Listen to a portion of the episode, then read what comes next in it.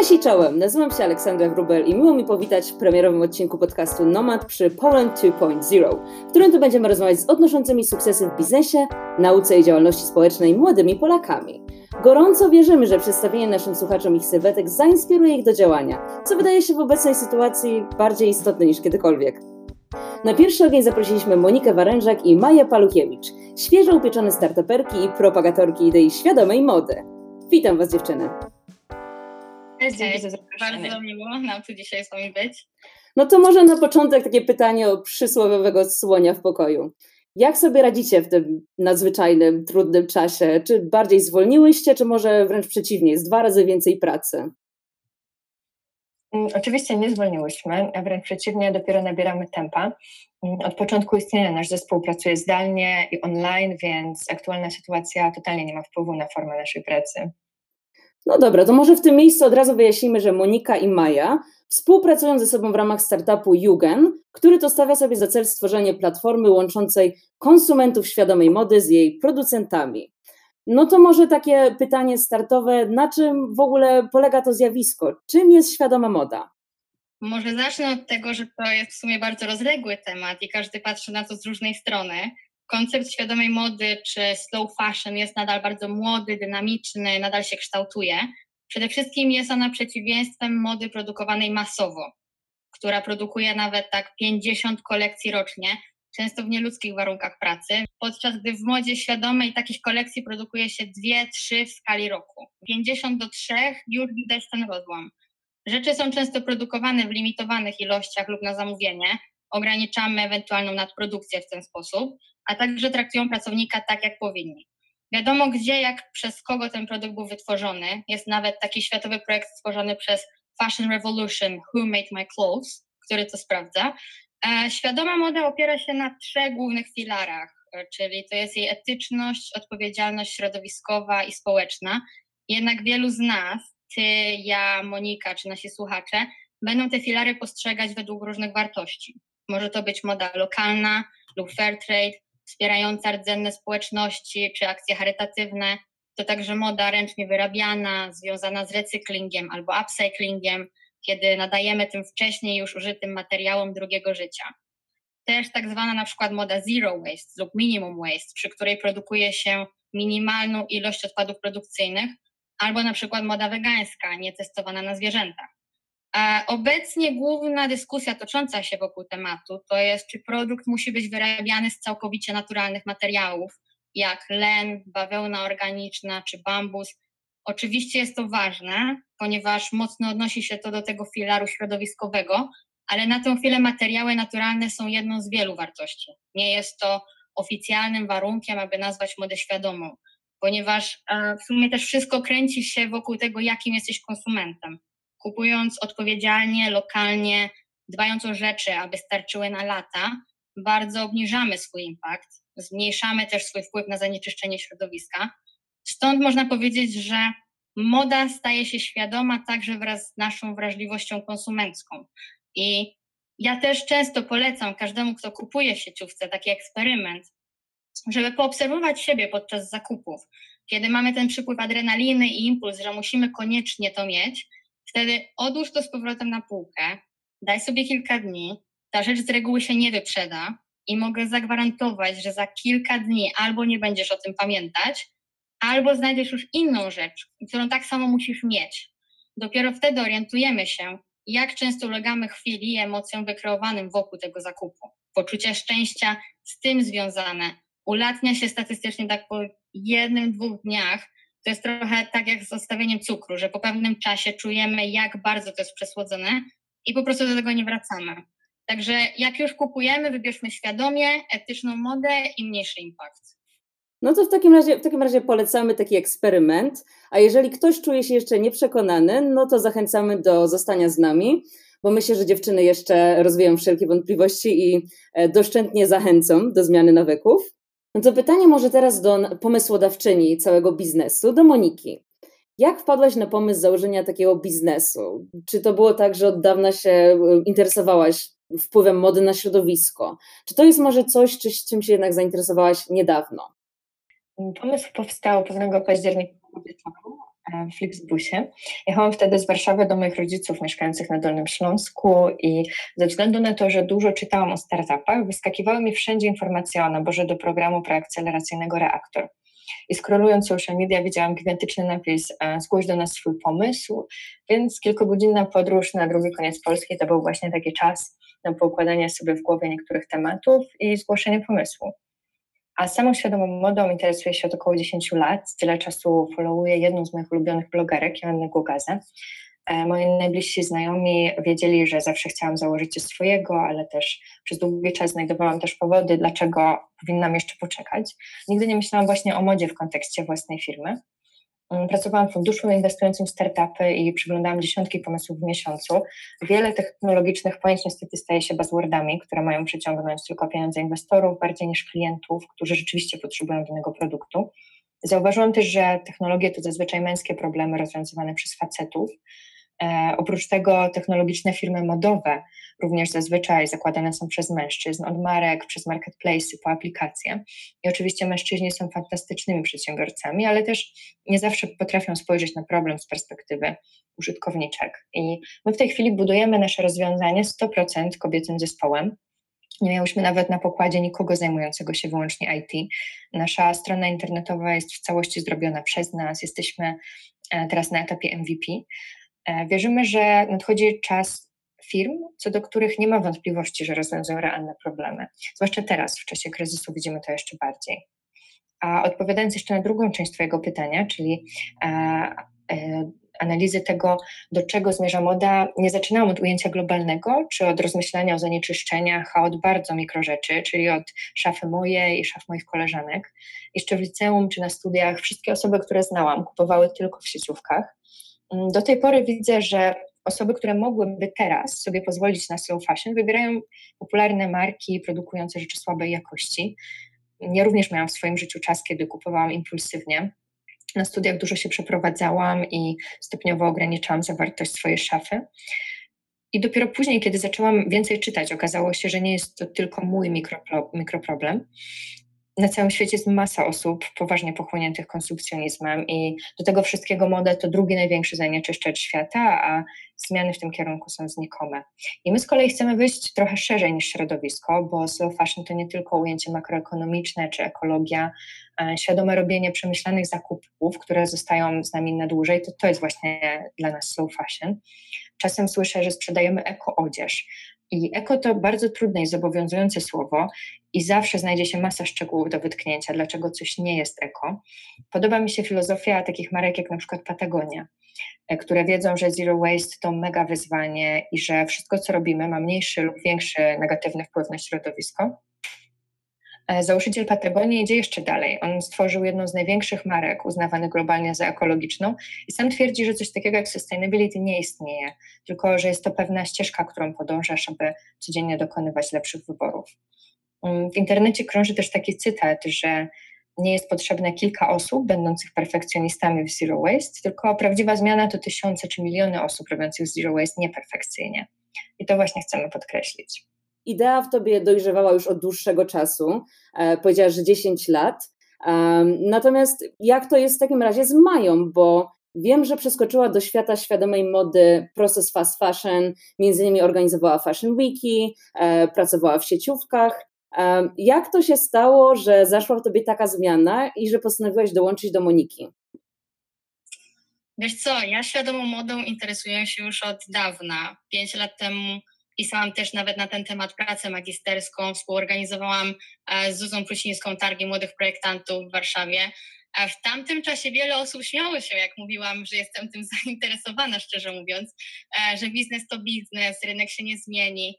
Także dobrze widzieć, że pojawia się coraz więcej inicjatywek rozwijających ten sektor. E, no ale przed nami jeszcze długa droga, więc od kogoś to zależy i ktoś to musi rozwijać. I co do mojego doświadczenia, to pracowałam przy targach, eventach, e, zahaczyłam też o modę luksusową, potem przeszłam do mody masowej, pracowałam w merchandisingu, czyli jest to praca przy tworzeniu kolekcji, jest to praca między designerami a działem sprzedaży, czyli tworzymy i alokujemy ten towar tak, aby się sprzedał. Ale też w działaniach byłam komercyjnych i visual merchandisingu, czyli aranżacji przestrzeni handlowej. Jest to analiza danych, działania z psychologii kupowania oraz socjologiczne, czyli ponownie tak, aby sprzedało się jak najwięcej. Więc można powiedzieć, że widziałam już aż za dużo E, nadkonsumpcję, impulsywne kupowanie, kreowanie sztucznych potrzeb wśród konsumentów, greenwashing. Wiesz, dla kogoś, kto jest zainteresowany świadomą modą, to jest ciężkie, żeby w tym uczestniczyć. Także szukałam możliwości już od dłuższego czasu w obszarze slow fashion. E, z Moniką zostałyśmy wtedy połączone e, przez wspólną przyjaciółkę Anię, która jest rekruterką. E, widziała, że myślimy w ten sam sposób i musimy się poznać, także tak też dołączyłam do Jugen. W ogóle ostatnio w jednym artykule wyczytałam taką dobrą myśl, że samą dyskusją i strategiami branży nie zmienimy i trzeba działać. Także działamy, tak jak wspomniałam. E, na rynku polskim to jest w sumie pierwsza platforma zrzeszająca marki slow fashion nie tylko z Polski, ale też z zagranicy. Otworzyłyśmy miesiąc temu, a mamy w portfolio już 20 marek. Wierzymy też, że świadoma moda i bycie odpowiedzialnym konsumentem powinna być codziennością, nie statusem, jak to często jest postrzegane ale same z doświadczenia też znamy w sumie frustrację szukania informacji w internecie co do slow fashion, bo jest tego naprawdę dużo, a samo zweryfikowanie tego jest też bardzo czasochłonne. A dlatego myślę, że taka platforma jest bardzo potrzebna. Klient e, ma to zweryfikowane wszystko w jednym miejscu, a marki większą widoczność. W takim razie widać, że pomysł jest już bardzo dojrzały e, i macie usystematyzowane plany. Czego Wam się w takim razie póki co udało w Jugend dokonać? I jakie są Wasze plany na najbliższą przyszłość? No bo no jakby no mamy świadomość, że e, nadzwyczajna sytuacja związana z koronawirusem pokrzyżowała plany wielu firm, wielu e, indywiduów. Jak sobie w ogóle z tym radzicie? My mimo wszystko ostatnie kilka miesięcy spędziliśmy nad budowaniem zespołu, strony internetowej, szukaliśmy nowych marek i klientów, w zespole do niedawna było nas sześć osób w Warszawie i w Londynie. Oprócz mnie jest jeszcze Kasia, Ada i Laura. Kasia zajmuje się business development, Ada i Laura rozwijają social media i część kontentową. Oprócz tego nasz mentor z dyrektora po programie został z nami na pokładzie jako advisor. On prowadzi firmę, w której współpracuje z ponad tysiącem specjalistów od AI i machine learning z 90 krajów. Bardzo dużo nauczyliśmy się od niego o tym, jak istotny jest właściwy zespół z właściwymi kompetencjami, intencjami. E, kilka dni temu dołączyły do nas kolejne trzy osoby i mimo tego, że aktywnie nie rekrutujemy, ciągle odzywają się kolejni, którzy wierzą w to, co robimy, chcą z nami współtworzyć platformę.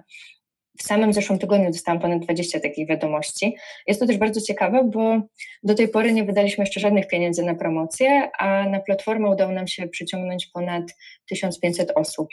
E, mamy teraz 21 marek, z czego pierwsze 10 dołączyło jeszcze przed powstaniem platformy, a miesiąc po launchu podwoiliśmy tą liczbę. W najbliższym przyszłości planujemy kontynuować poszerzanie bazy marek, klientów, rozszerzamy też działalność o B2B, czyli zaczynamy rozmowy z firmami zainteresowanymi e, Sustainable Employer Branding. Pomagamy takim firmom wymienić plastikowe pendrive'y czy długopisy na bardziej przydatne, ekologiczne rzeczy i w tej chwili rozwijamy się organicznie, ale jeżeli pojawią się właściwe osoby, nie wykluczamy też rozmów z inwestorami. Jedna z Was mieszka w Londynie, a druga w Warszawie.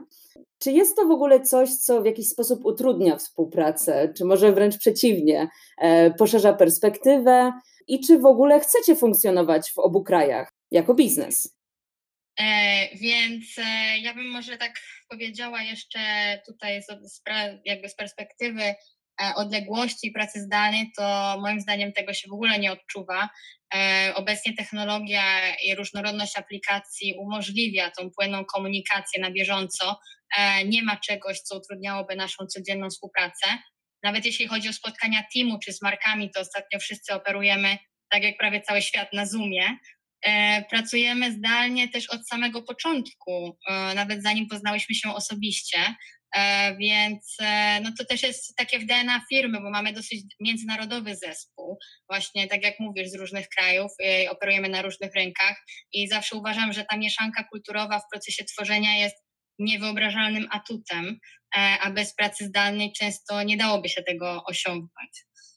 Może to, czego brakuje, to jest taki czynnik ludzki, żeby się spotkać z całym teamem na raz, uśmiechnąć, być face to face, nie tylko na ekranie. Miałam też być teraz kilka miesięcy w Polsce, żeby pracować, no ale przez kwarantannę e, niestety musiałam ten przejazd przełożyć, e, zresztą jak wielu teraz e, z nas. Tak, w takim razie czekam, aż się granice otworzą i, i się nawzajem zobaczymy. No my też jesteśmy przykładem, że pomimo tej sytuacji jakoś jednak można, bo my się nigdy nie spotkałyśmy, a jednak udało nam się zorganizować tą rozmowę e, dzięki rozwojowi technologii. No i tak samo funkcjonujemy w Poland to Zero, tak? E, jakby mamy cotygodniowe rozmowy i jakoś pomimo tego, że w ogóle początkowo funkcjonowaliśmy w rozproszeniu, a w zeszłym roku e, mieliśmy na 20 osób e, z teamu 7 krajów, pokryliśmy razem 7 krajów, Także ja też e, doskonale sobie zdaję, zdaję z tego sprawę, że można i to wbrew pozorom aż tak nie utrudnia funkcjonowania. Natomiast wracając do tego tematu tej odległości i też różnic pomiędzy Polską a Wielką Brytanią. Ty, Maju, wspomniałaś o swoim doświadczeniu i w sprzedaży, i przy organizacji jakichś wydarzeń modowych, e, i też zahaczyłaś o temat psychologii. E, czy widzisz jakieś duże różnice e, w tych aspektach, e, na przykład w promocji, przy sprzedaży produktów modowych pomiędzy Wielką Brytanią a Polską? Mhm. Mm, jeśli chodzi ogólnie o modę, to mamy teraz trend na ujednolicanie, nawet co widać po zmianach w logo wielu firm. Branża skłania się przede wszystkim ku promocji i sprzedaży w social media, influencer marketingu, eventach modowych. Ale tak skupiając się na świadomej modzie, to widzę różnicę. E, to, co jest dla mnie ciekawe, to że na rynku angielskim te małe przedsiębiorstwa są bardziej widoczne i dostępne. Londyn ma około 9 milionów mieszkańców, a dużych galerii handlowych jest tak naprawdę tylko kilka. Wschód, zachód, północ, południe, centrum. Każda strefa ma po jednej, może tak maksimum dwóch. W Polsce mamy w sumie galerię na galerii i mniejsze firmy operujące offline są często wypierane. Tutaj ludzie lubią wynajdywać perełki, unikatowe rzeczy e, i rozwijać ten więź z lokalnym przedsiębiorcą, który często też jest Twoim sąsiadem. Angielski klient jest też e, bardziej wymagający, bo ma większy wybór, wpływa na marki, ponieważ sam chce tej świadomej mody. Także w Anglii ta mała marka bardzo często stawia od razu na dobry, budzący zaufanie branding i porządne sesje zdjęciowe. Przez to wiele takich marek na pierwszy rzut oka nawet nie wygląda na początkujące. E, są też bardziej widoczne i dostępne. Promują się nie tylko w lokalnych butikach, concept storach, ale można je zobaczyć też w dużych magazynach modowych, jak Vogue czy Marie Claire. Świadomą modę promuje się też przy tematach yogi oraz slow food, czyli jest to często takie cross-promowanie całego slow lifestyle'u. E, I będąc przy promocji sprzedaży, może wspomnę taką ciekawą rzecz, o której rozmawiałam kiedyś z właścicielem Ocean Fresh. To jest firma produkująca japonki z plastiku zebranego na brazylijskich plażach. E, podkreślił, co jest bardzo ważne moim zdaniem, że musimy być coraz bardziej świadomi co do naszego impaktu wewnątrz branży, ponieważ firmy będą coraz bardziej takie rozwiązania promować i sprzedawać. Skala się zwiększa, będzie w tym coraz większy biznes, e, nawet w recyklingowaniu plastiku i samym jego wytwarzaniu. Ważne, abyśmy nie dopuścili do sytuacji, kiedy te zrównoważone działania staną się w sumie same w sobie niezrównoważone. Stąd musimy być świadomymi, zbalansowanymi konsumentami i wtedy branża będzie to też odzwierciedlać. A jak to jest na polskim rynku? Czy zwiększa się popyt na świadomą modę i ten slow life?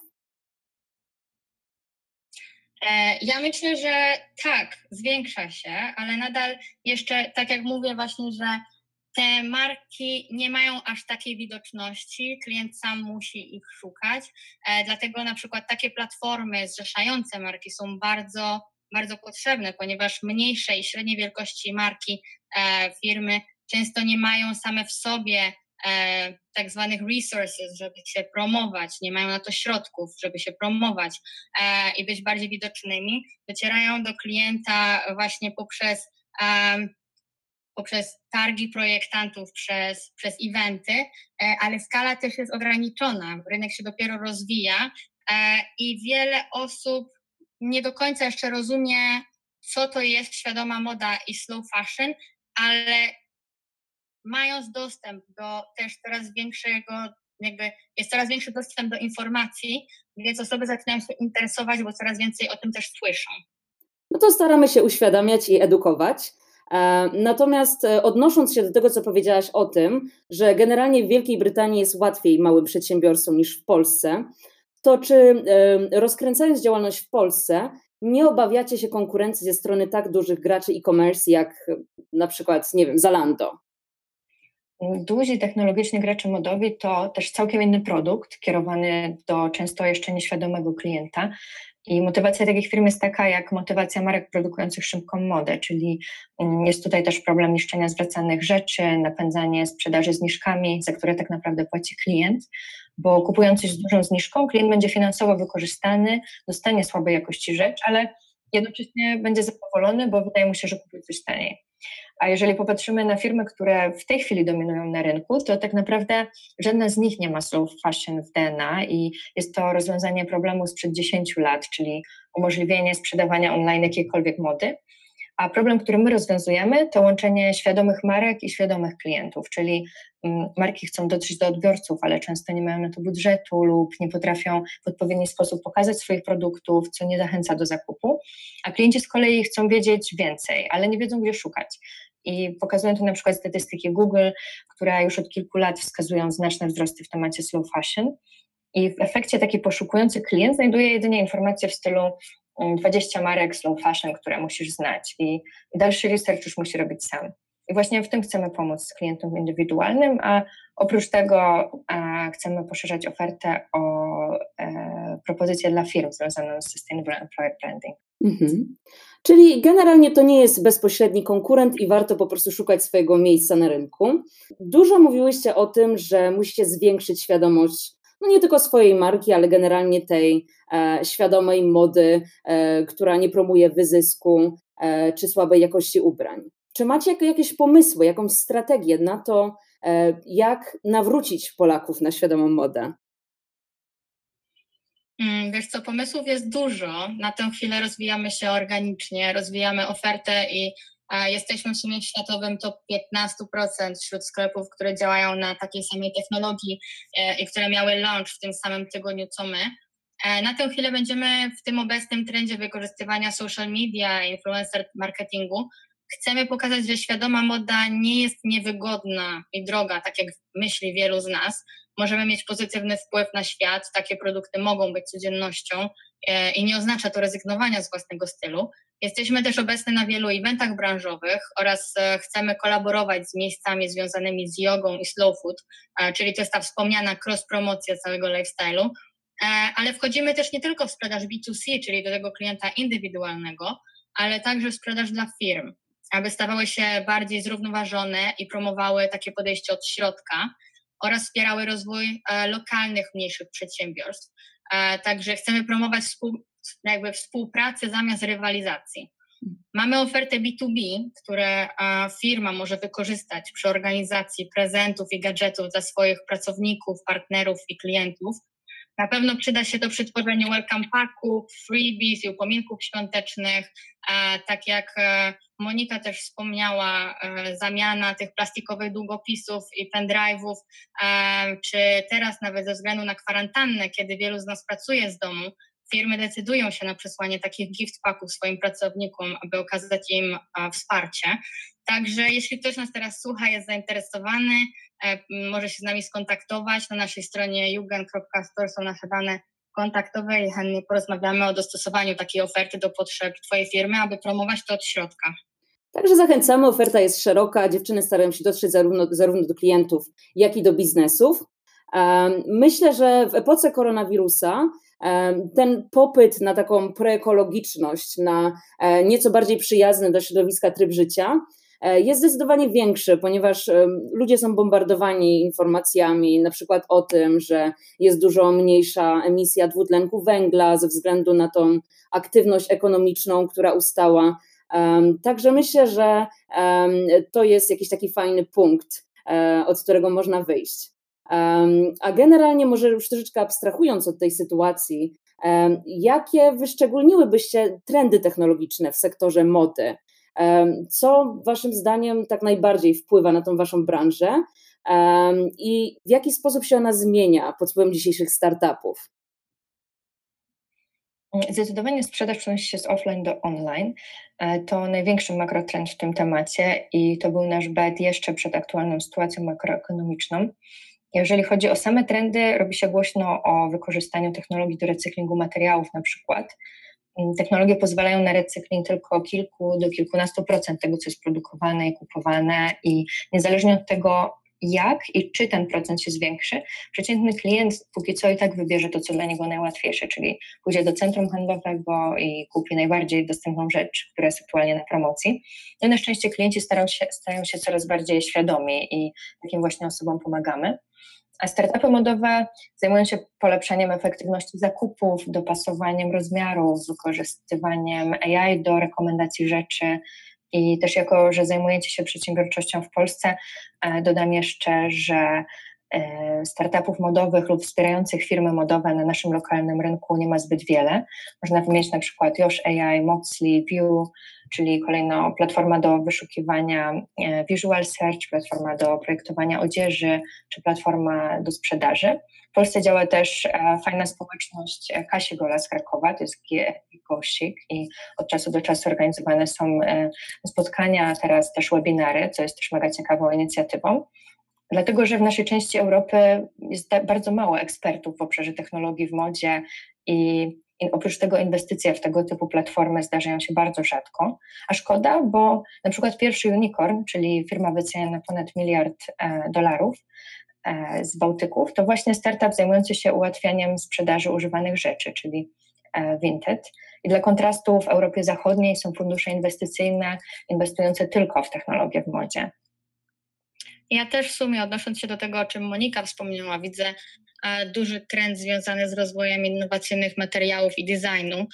Jesteśmy obecnie w kontakcie na przykład z izraelskim startupem, który pracuje nad pierwszym całkowicie kompostowalnym tworzywem, które szybko rozkłada się w ziemi bez negatywnego wpływu na środowisko, e, czy na przykład trend związany z poszerzeniem ponadczasowości i uniwersalności tego produktu. Wykorzystuje się do tego technologii, ekspertyzę z zakresu inżynierii lotniczej, tak jak na przykład w przypadku ubrań dla dzieci z recyklingowanego plastiku, które się zwiększają nawet do siedmiu rozmiarów. E, no a jeśli chodzi z kolei o rozwój aplikacji, to widzę duży trend co do wynajmu ubrań, czy tak jak też już Monika wspomniała, od sprzedawania ubrań, e, na przykład teraz jest bardzo popularna polska aplikacja Less Up, która ma nawet kilka, kilkaset tysięcy pobrań, e, czy skanery produktów, tak aby konsument mógł dokonać świadomego wyboru na podstawie informacji o składzie i pochodzeniu, e, a także zobaczyć alternatywne produkty czy też nawet wynajdywanie ubrań na podstawie zdjęć celebryty, ulubionego serialu i tym podobne. No i tutaj musimy chwilowo postawić kropkę. E, myślę, że dziewczyny przekazały olbrzymią dawkę wiedzy na temat, na temat trendów technologicznych e, i przede wszystkim w sektorze modowym. Dały rady, jak w ogóle e, zostać bardziej świadomym konsumentem. Jednak nie zamierzamy się jeszcze z nimi rozstać, od razu uprzedzam rozczarowanych. Ta część naszej rozmowy będzie taka bardziej, jak już powiedziałam wcześniej, mentoringowo-motywacyjna. Zaczniemy od przeszłości dziewczyn, i to pytanie skieruję do Moniki, która przed założeniem Jugen pracowała m.in. w funduszach inwestycyjnych czy w private equity, e, venture capital. W jakim stopniu takie doświadczenie i zdobyta na tych polach wiedza pomogły Ci w stworzeniu i prowadzeniu własnego startupu? Doświadczenie w funduszach na pewno pomaga zrozumieć, z jakich działów składa się firma, jak wygląda proces jej sprzedaży, due diligence, jak wyglądają jej sprawozdania finansowe, jak odbywa się raportowanie do inwestorów, czy na czym polega budowanie wyceny, ale to totalnie inne zajęcia i analiza firmy, firmy z perspektywy biurka i arkusza w Excelu jest kompletnie czymś innym niż budowanie firmy od zera. Mm, doświadczenie analityczne przynosi też wchodzenie w e, analizowanie konkurencji, e, ryzyk rynku, a tak naprawdę e, najważniejsze jest rozwiązanie problemu klientów i zbudowanie właściwego zespołu. Miałaś takie wrażenie, że się rzucasz na głęboką wodę? Jak w ogóle się czujesz jako CEO?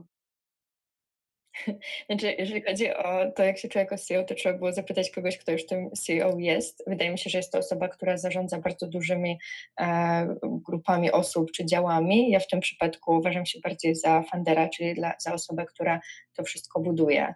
I z perspektywy osoby, która to buduje, wydaje mi się, że to jest mega ciekawe wyzwanie i zajęcie. I przez ostatnie pięć miesięcy nauczyłam się bardzo dużo i nie zmieniłabym tego na nic innego. Okej, okay, a jeszcze tak jedno może pytanie znowu o przeszłość. E, bo jesteś związana z Fundacją imienia Lesława Pagi. E, należysz do grona laureatów 11 edycji organizowanej przez nią Akademii Liderów Rynku Kapitałowego. W jaki sposób udział właśnie w tym projekcie, zdobycie takiego doświadczenia ułatwiło Ci wejście na rynek pracy i w konsekwencji e, zostanie założycielką Jugen? Zaraz po Akademii zaczęłam pracę w funduszu inwestycyjnym i przeprowadziłam się z Wrocławia do Warszawy, a sama Akademia to był super czas. E, Alerka to program dla osób studiujących kierunki finansowe, ekonomiczne czy prawne. To program dla osób szukających swojej drogi lub mających już jasno określone cele. Sama inicjatywa polega na tym, że 30 osób spędza razem dwa tygodnie podczas szkoły letniej w Warszawie lub w okolicy. E, odbywają się wtedy różnego rodzaju warsztaty z firmami partnerskimi z zakresu e, M&A, fuzji przejęć, konsultingu, też warsztaty z umiejętności miękkich. I po tych dwóch tygodniach uczestnicy odbywają staże u firm partnerskich, które działają w obszarze rynku kapitałowego. Osoby, które biorą udział w programie, pochodzą z przeróżnych uczelni, nie tylko z Polski. Niektórzy myślą o wyjeździe na studia za granicę, inni o powrocie do kraju, a jeszcze inni, tak jak ja, planują przeprowadzkę z jednego polskiego miasta do drugiego. I ktoś z alumnów powiedział kiedyś, że życie dzieli się na przed i po alerka. W moim przypadku również tak było. E, to nowa praca, często też nowe miasto, a oprócz kwestii zawodowych poznajemy też osoby, które zostają naszymi przyjaciółmi na lata.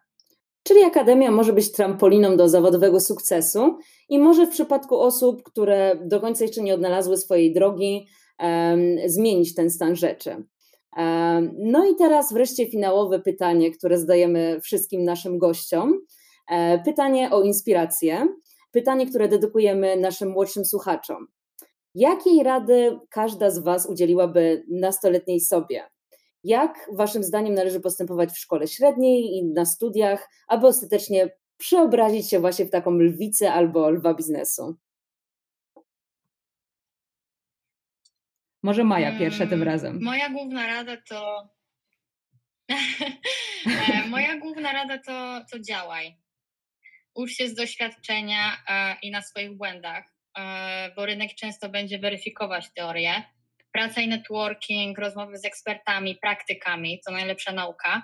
Także słuchaj siebie i podążaj za swoim pomysłem i pasją, nawet jeśli wydaje się to być najbardziej szaloną ideą, bo nigdy nie dogodzi się wszystkim. Niektóre osoby będą wątpić, inne dodadzą skrzydeł, a także działaj w zgodzie z sobą. Kiedyś w końcu te wszystkie osobne kropki się połączą i będą mieć sens. Monika? Ja w sumie to nie dałabym żadnych rad nastoletniej sobie, bo akurat w moim przypadku każde doświadczenie było absolutnie potrzebne, ale też byłam dość specyficznym dzieckiem i nastolatką, bo lubiłam pracować, oprócz tego ciągle coś sprzedawałam i tak już zostało. A jeśli chodzi o, ogólnie o potyczki wieku nastoletniego czy okresu studiów, w pełni się zgadzam z tym, co powiedziała Maja. Myślę, że najważniejsza i dla wielu osób też trudna rzecz to podążanie swoją ścieżką, a nie tą, którą inni oczekują, że będziemy podążać. Nawet jeśli są momenty, kiedy jesteśmy zagubieni, nadchodzi też moment, kiedy nawet nieszczęśliwe e, wydarzenia zaczynają nabierać sensu. I w moim przypadku w przeszłości, nawet jeszcze rok temu, myślałam inaczej, a teraz nie widzę absolutnie żadnego powodu, dla którego jakakolwiek młoda osoba chcąca spróbować swoich sił w prowadzeniu biznesu miałaby robić coś innego, czy pracować na etacie. No i tak samo w drugą stronę, jeżeli ktoś czuje, że praca na etacie i stabilizacja to coś, czego potrzebuje, to też jest ok. A co do tych lwów biznesu, to myślę, że e, jak się z nim stać, to jak się nim stać, to najlepiej trzeba było zapytać osób, które już się w takie lwy przeobraziły. Najbardziej cenię rady jak najstarszych osób. W swoim otoczeniu niestety nie mam ich zbyt wiele, ale to, co ich cechuje, to bardzo szeroka perspektywa spojrzenia na całe życie, nie tylko i wyłącznie na karierę. I rozmawianie o karierze z osobami w tym samym wieku nie do końca może przynieść rezultat, zwłaszcza kiedy dwie osoby mają taki sam problem i szukają swojej drogi. Mm, osoby, które najbardziej imponują mi w biznesie, cechuje pracowitość, adaptowanie się do zmian. Te osoby nie mają jednego odległego, często materialnego czy finansowego celu, tylko każdego dnia robią to, co lubią i jednocześnie sprawiają wrażenie, jakby nigdzie się nie spieszyli. Dobra, zrobiło się bardzo inspirująco. Jeżeli ja mogę wtrącić jakieś swoje trzy grosze, to ja bym powiedziała: wykorzystuj sytuacje, jakie życie kładzie przed tobą na talerzu, bo czasami się wydaje, że coś nie do końca nam odpowiada, nie do końca jest związane z naszą branżą i tym kierunkiem, w którym do tej pory podążałyśmy. A później się okazuje, że warto czasami pomyśleć tak out of the box, no bo naprawdę niesłychane rzeczy mogą z tego wyniknąć. No i tym pozytywnym akcentem. Nie wiemy, kiedy się w sumie czegoś nauczymy, nie? Nie znamy dnia ani godziny ponownie. Um, i chyba tym pozytywnym akcentem zakończymy nasze dzisiejsze spotkanie. E, bardzo Wam, dziewczyny, dziękuję za poświęcenie nam czasu i podzielenie się wiedzą o świadomej modzie, e, bo jest to zagadnienie niewątpliwie e, bardzo na czasie, biorąc pod uwagę trwający kryzys klimatyczny. Myślę, że bardzo mocno zainspirowałyście naszą publiczność do działania. Także kto wie, może nas słuchają jakieś przyszłe czarne konie polskiej branży startupowej. Zwracając się natomiast już do naszych słuchaczy, to bardzo Wam również dziękujemy, że byliście z nami e, i zachęcamy Was do śledzenia Poland 2.0 na Facebooku, Instagramie, Twitterze i LinkedInie. I oczywiście do miłego usłyszenia w kolejnych odcinkach. E, już szykujemy dla Was fajny content e, i zapraszamy kolejnych ciekawych gości. Dziękuję Wam bardzo i do usłyszenia.